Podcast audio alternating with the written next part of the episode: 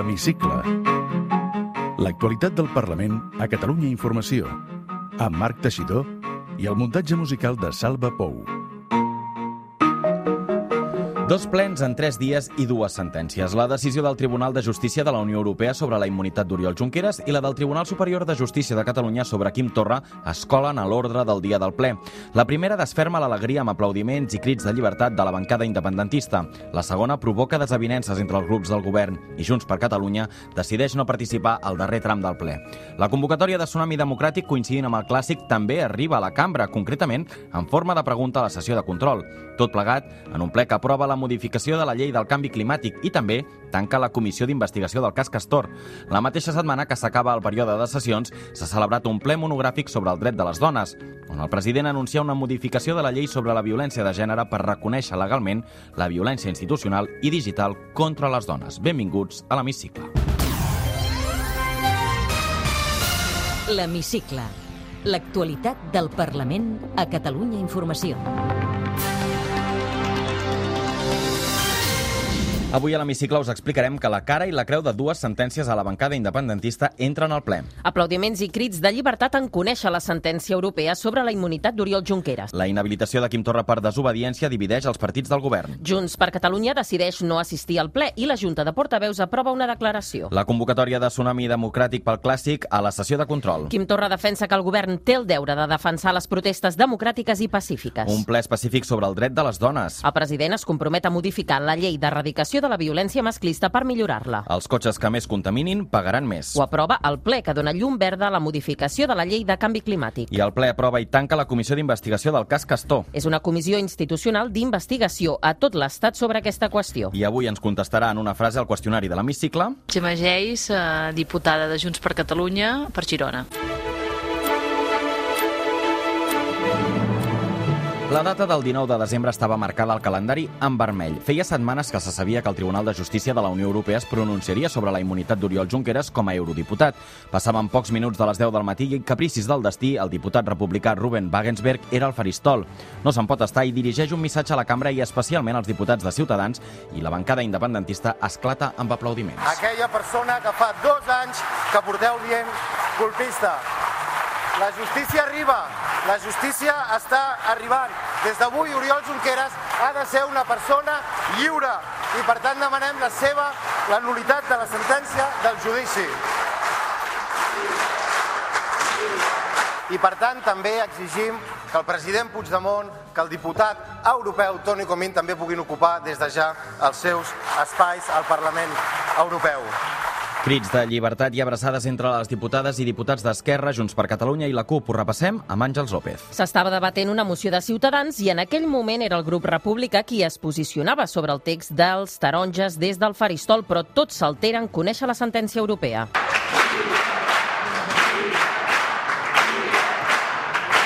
Una eufòria que no evita que el ple segueixi el seu curs, però en el mateix punt, quan Ciutadans torna al faristol, Nacho Martín Blanco retreu l'actitud de celebració i provoca que se'n produeixin més, aquesta vegada amb el president de la Generalitat dins de l'hemicicle. Es ridículo que ustedes vayan a intentar pretender hacer pasar a su parroquia esto como una bofetada al Estado de Derecho español. Y sigan, y sigan.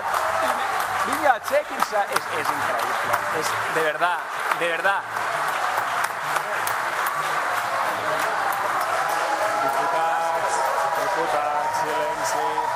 Fora de la cambra, les diputades i diputats independentistes no amaguen l'alegria. La sentència que resol només sobre la immunitat d'Oriol Junqueras provoca reunions d'urgència d'Esquerra i de Junts per Catalunya. Els primers demanen la llibertat immediata del seu líder i els segons fan extensiva la sentència a Carles Puigdemont i Toni Comín. En van parlar Pere Aragonès dels Republicans i Josep Costa de Junts. L'Oriol Junqueras volem que torni a casa immediatament, que torni a fer política institucional i el volem veure al Parlament Europeu. L'Oriol torna. L'ordre de presó del vicepresident Junqueras és la mateixa que motiva les euroordres contra el president Puigdemont i el conseller Comín.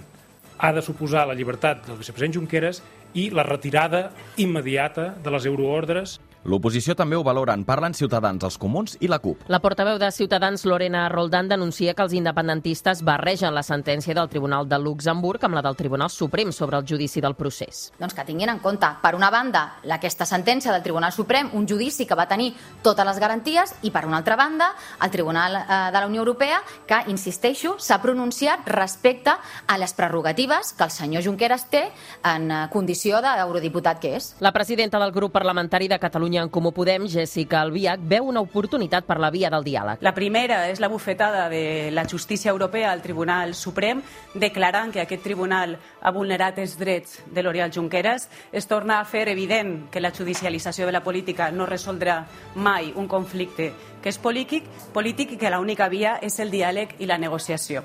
I també vull recordar que el dret europeu és dret intern i que, per tant, forma part del conjunt del nostre ordenament jurídic i per això la sentència s'ha de complir. I des de la CUP en parla el seu diputat Carles Riera, que apunta directament al president espanyol en funcions. Avui la Fiscalia de l'Estat ha demostrat quina és la posició de l'Estat quan entra en col·lisió i en joc una justícia europea que avui, en aquest cas, ha actuat en base al dret i una justícia espanyola que actua de part i com a tribunal polític eh, repressiu. La sentència sobre la immunitat de Junqueras no és l'única que es coneix durant el ple. El Tribunal Superior de Justícia de Catalunya notifica al president Quim Torra que ha canviat la sentència del judici per desobediència en un sobre al Palau de la Generalitat. El president abandona la cambra, però ja es coneix el sentit de la decisió. El tribunal el condemna a un any i mig d'inhabilitació i a una multa de 30.000 euros. Tot plegat també romp el desenvolupament del ple. Rebuig de les files independentistes a la sentència contra Quim Torra i, de fet, els membres de Junts per Catalunya decideixen no participar de la sessió de la tarda com a mostra de rebuig, excepte durant la votació de les propostes de resolució del ple monogràfic sobre la dona. Junts assegura que es queda sol demanant la suspensió del ple, tal com explica la diputada Aurora Madaula. Li contesta la republicana Jen Díaz. No hem aconseguit que la Junta de Portaveus suspengués el ple i per això som aquí per responsabilitat. Per responsabilitat amb les dones, per responsabilitat amb els drets de les dones i de les associacions que han treballat fermament amb, el, amb, amb totes les propostes de resolució que avui s'aprovaran i per això, per responsabilitat, no participarem en aquest debat, però vindrem a votar nosaltres també som conscients de l'excepcionalitat que viu el país, però també tenim una, una responsabilitat i un repte com a país. Els diputats tenim drets i avui Europa ens ho ha tornat a dir, però també tenim deures. I perquè volem una república precisament feminista i per respecte al Consell que avui ens acompanya i a les dones d'aquest país, avui el grup republicà és el ple de principi a final. Junts per Catalunya demana suspendre el ple a la Junta de Portaveus que se celebra de manera extraordinària durant el recés del migdia. Una reunió que serveix perquè la Junta acordi una declaració conjunta posicionant-se davant les dues sentències conegudes, un text que només signen els grups independentistes, Junts per Catalunya, Esquerra i la CUP. La declaració recull les dues sentències fetes públiques i mostra el seu suport amb les més de 2.500 persones que han estat víctimes de la repressió de l'aparell judicial de l'Estat. Els tres grups asseguren que l'Estat aborda el conflicte de manera arbitrària i reclamen l'amnistia amnistia i reivindiquen el dret a l'autodeterminació. Sobre la immunitat d'Oriol Junqueras, el text denuncia la vulneració dels seus drets i ho fa extensiu a Carles Puigdemont i Toni Comín i exigeix la posada en llibertat de l'exvicepresident i la nulitat de la sentència. Sobre la inhabilitació del president Quim Torra, denuncia la vulneració de la sobirania del Parlament de Catalunya i constata, diu el text, que l'Estat vol imposar per la via judicial el que no aconsegueix a les urnes.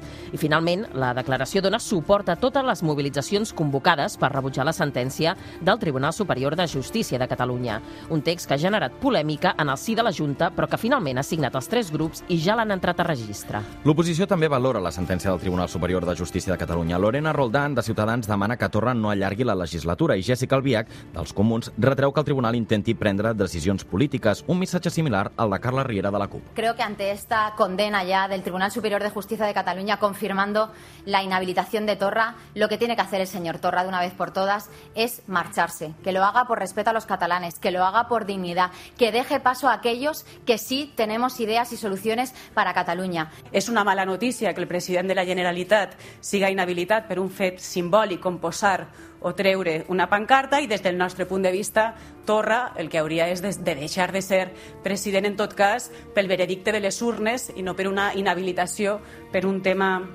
eh, simbòlic. És obvi, és evident i és conegut, i aquí ho reafirmem, que la nostra discrepància actualment amb la política del govern és absoluta i total, i radical. Eh?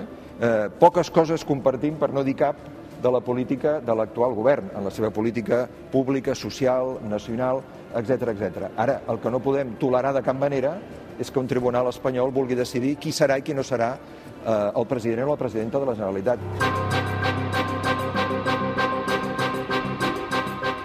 Hores abans que comenci el clàssic entre el Barça i el Madrid, Ciutadans pregunta al president sobre la convocatòria de Tsunami Democràtic per fer arribar al món, diuen el missatge de Spain, Sit and Tall. Quim Torra diu que el govern té el deure de defensar les protestes democràtiques i pacífiques i es mostra convençut que es podrà jugar el partit. Però el president del Barça creu que farà honor a la història del club que l'ha situat sempre com a espai de llibertat.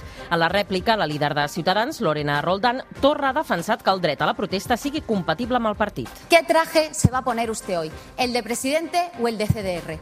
M'ho ha posat fàcil. Eh? Jo, aquesta tarda, amb el traje del Barça, el Barça ha representat doncs, un espai on la gent s'ha pogut expressar lliurement. I això és el que passarà aquesta tarda, que s'expressarà la gent amb llibertat, tranquil·lament, gaudirem d'un gran partit de futbol i, a més a més, el Barça guanyarà. Perfecte. El president, d'altra banda, anuncia que després de festes, seguint el mandat del Parlament de buscar un acord nacional, es reunirà amb partits i entitats per fixar el rumb cap a l'autodeterminació. A l'abril tindrem ja els primers fonaments del que pot ser un projecte de Constitució catalana, però sobretot aquest acord nacional sobre el qual insisteixo a partir doncs, de l'endemà de Reis convocaré els partits per poder ja avançar en traçar aquest horitzó comú per exercir el dret a l'autodeterminació en el nostre país. La CUP acusa Junts per Catalunya i Esquerra de ser un fre per avançar cap a l'autodeterminació. Tots els grups parlamentaris sol·liciten un ple monogràfic sobre el dret de les dones abans d'acabar el període de sessions, un ple que se celebra aquesta setmana i on el president es compromet a modificar la llei d'erradicació de la violència masclista per millorar-la. Finalment, el ple vota perquè el govern recuperi la inversió en escoles bressol i dediqui més recursos per fer front a la violència de gènere. En concret, el president de la Generalitat ha defensat la reforma de la llei per actualitzar-la i adaptar-la a les necessitats de les persones. Segons detalla el govern, treballa en la garantia dels drets de les dones. Insuficient perquè legislant no n'hi ha prou.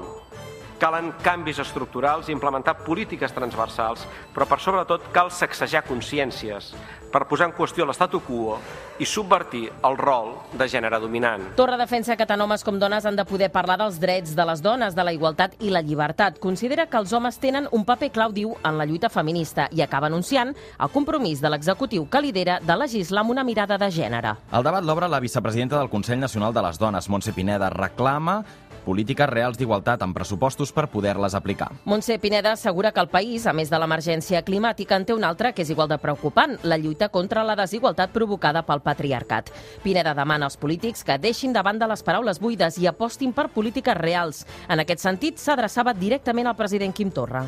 El miro directament. Necessitem pressupostos reals que tinguin perspectiva de gènere. Necessitem construir un pressupost que estigui legitimant, que no legitimi la desigualtat. I això significa que anem a les arrels. Volem un pressupost que canvi la història de les desigualtats i les discriminacions. Necessitem incrementar la despesa en polítiques d'igualtat. Montse Pineda també demana als partits que no facin retòrica perquè les dones no els ho perdonaran mai. I finalment, dijous el ple presenta i vota les propostes de resolució del ple monogràfic. En total es voten una setantena de propostes. Entre d'altres, els grups insten el govern a recuperar la inversió en escoles bressol i més recursos per fer front a la violència de gènere. El ple també ha aprovat una resolució que insta el govern a eliminar per al curs vinent els concerts educatius amb totes les escoles que segreguin per sexe i promoure així la coeducació mitjançant l'escolarització mixta. I encara un parell de punts més del ple. Aprovada la modificació de la llei del canvi climàtic. El text preveu que els propietaris dels cotxes que més contaminin paguin més. En concret, els propietaris de més de 3 milions i mig de cotxes a Catalunya pagaran un nou impost anual. El tribut aprovat pel Parlament gravarà les emissions de CO2 dels vehicles de combustió. Qui el 31 de desembre sigui titular d'un cotxe pagarà l'impost al novembre de l'any que ve. La mitjana estarà en uns 11 euros aquest any i l'any que ve, que serà més car, pujarà per sobre dels 34 euros. I d'altra banda, el ple també aprova el dictamen final de la Comissió d'Investigació del projecte Castor. El Parlament reclama al govern espanyol que depuri responsabilitats en el procés de concessió de les autoritzacions i execució del magatzem de gas submarí, que va causar més d'un miler de terratrèmols i que ha costat més de 3.000 milions d'euros.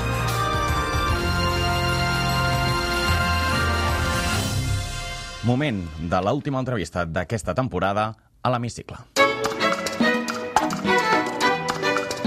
Té la paraula Gemma Geis, eh, diputada de Junts per Catalunya per Girona. El Tribunal Superior de Justícia de Catalunya ha donat a conèixer aquesta setmana la sentència contra el president Quim Torra. Quina valoració en fa?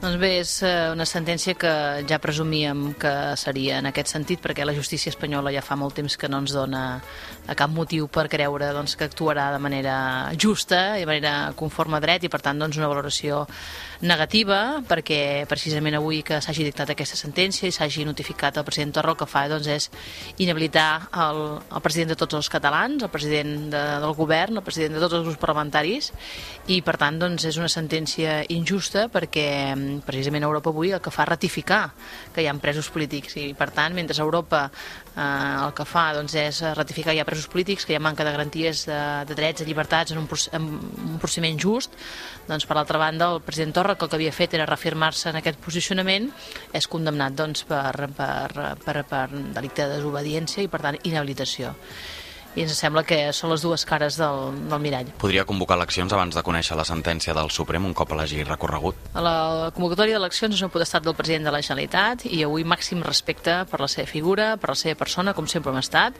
i per tant nosaltres doncs, sempre estarem al seu costat a les decisions que ell hagi de prendre que li pertoquen com a president de la Generalitat. Dia de moviment judicial, diguéssim, perquè vostè ara en feia referència, hem conegut també la sentència del Tribunal de Justícia de la Unió Europea sobre la immunitat de Junqueras que es podria fer extensiva també als eurodiputats Carles Carles Puigdemont i Toni Comín. Sí, i també en el cas de la consellera eh, Ponsatí, en el cas que es produeixi el Brexit, sí, sí, una notícia doncs, que normalment en l'àmbit de la Unió Europea, quan l'advocat, que és independent, es posiciona, sempre ja dona una, no? una és l'avançala del que després dictarà el tribunal. Per tant, teníem uns bons eh, presagis, per dir d'alguna manera, i, i, i, bé, com que també el president Puigdemont el seu advocat ja havien fet un escrit, feia una sèrie d'arguments que són també que el va recollir l'advocat, doncs estem enormement contents per tot el que suposa per l'independentisme eh, en el seu, el seu conjunt. Carles Puigdemont podria repetir doncs, com a candidat a la presidència de la Generalitat? El president Carles Puigdemont eh, el que ens interessa és que faci política, que tingui la màxima llibertat, que per això va anar a fugir a, a l'exili, no? va, que diguem-ne va, va veure que aquesta justícia, no? aquesta, mm, veia la repressió i per tant doncs, el que va fer va ser buscar una justícia doncs, que avui s'ha acreditat que és la justícia l'opció correcta i per tant doncs, eh, el que hagi fer el president Puigdemont li donarem el màxim suport perquè el que s'ha demostrat és que s'ha de fer política a Europa, s'ha de tenir un altaveu a Europa. Quins passos ha de seguir ara l'independentisme? Bé, crec que l'independentisme el que ha de fixar és un full de ruta, que és el que no ens acompanya en els darrers dos anys. Eh, el president Torra va fer una proposta en el ple, el president Torra ahir també va anunciar doncs, que després de les festes de, de Nadal eh, es posaria a disposició dels grups parlamentaris, nosaltres també màxima disposició, i el que hem de fer doncs, és eh, continuar eh, avançant en aquest camí que jo crec que cada vegada eh, més gent, no només a Catalunya, a Espanya, sinó també a Europa, veu que és, que és ineludible, que serà la independència a Catalunya i segur encara més la, la necessitat de solucionar un conflicte polític que passa per un referèndum, sí o sí. Aquest període de sessions s'acaba amb un ple monogràfic sobre la dona. Quina valoració en fa? Doncs miri, si li sóc uh, sincera, que crec que també els oients ho agrairan, aquesta setmana he vist dues hores dels meus fills. Per tant, sí que fem un ple de les dones, però els horaris que, que fem són absolutament eh, desproporcionats i, a més a més, si som dones de territori, i també els homes, eh, perquè també hi ha companys que es queixen, per tant és una mica difícil conciliar, no? I per tant ho estem treballant, però a la pràctica hem de mirar de, de, de, de posar-hi eh, moltes més mesures perquè des d'una dona no, que cuida la seva mare, les, les, les dones són molt cuidadores, les mares que tenen fills, les dificultats per accedir després una altra vegada al, al lloc de treball, treball. Um, bé, um, intent, hem d'intentar que això que debatem en el Parlament pugui realment arribar a la societat i per tant que sigui un impacte, un impacte real. Precisament això li volia preguntar, com es pot garantir que els acords, les voluntats polítiques que s'acorden en el ple s'acabin fent realitat? Bé, ara jo que és la meva primera legislatura i estic de trànsit a la política, sí que me n'adono compte no? que a vegades hem provat, eh, provat propostes de resolució que eh, obligaven el govern i que llavors el govern les ha executat en aquest any i mig que portem. I per tant sí que hi ha mm, propostes polítiques que s'aproven i s'executen. Eh? És veritat que tot té el seu, el seu període d'execució i l'administració pública moltes vegades no és, no és tan ràpida, però sí que ja veus eh, propostes que s'han debatut i que en el Parlament i que s'han executat per part del govern i per tant sí que té un trasllat a la societat. Respongui amb una paraula o amb una frase, si pot, aquestes qüestions. Amb la crisi climàtica cal... Contundència. La pobresa energètica és? injusta. Quina llei li agradaria aprovar? La llei d'independència a Catalunya. Per què ha decidit dedicar-se a la política? Per compromís amb els drets i llibertats i per assolir independència. Es veu algun dia liderant una candidatura a la presidència de la Generalitat? No. I quan deixi la política, què es dedicarà? Segurament eh, em prendré un temps eh, per l'impacte que haurà tingut, o tornaré a professora, que és el que estava fent, o valoraré altres opcions. Acostuma a fer autocrítica? Massa. En el meu cas és un, segurament és un defecte eh, l'autoexigència i m'ha passat molt en aquests dos anys, precisament avui li puc dir avui, eh? que com veus, no, les crítiques, bueno, realment, a veure, això que veus injust, això aquest article que s'interpreta així, no, no, és que realment ha de ser així, no? Llavors, avui és una ratificació, però l'autocrítica la, en el meu cas la, la faig massa sovint, segurament, però és bo. Té una vocació frustrada? No. Té mútua o va a la sanitat pública? Combino en funció de les urgències. Pis de lloguer o de propietat? Res de les dues coses. Una música que l'identifiqui. Uf, uh, segurament avui uh, s'han traït el vol de la Mossell. Un paisatge favorit? Roca Corba. Quin estil literari li és més agraït per llegir? Uh, la novel·la romàntica. Amb què es posa contenta? Amb un petó als meus fills. Què és el que li fa por? Ara mateix res. Amb quin diputat o diputada d'un altre grup té pendent fer un cafè? Un cafè no perquè hem anat a dinar amb en David Cid. Completi la frase. El que més m'agradaria... És viure en una Catalunya independent on no es vulneressin els drets de cap dels ciutadans que hi viuen. Moltes gràcies. De res a vosaltres.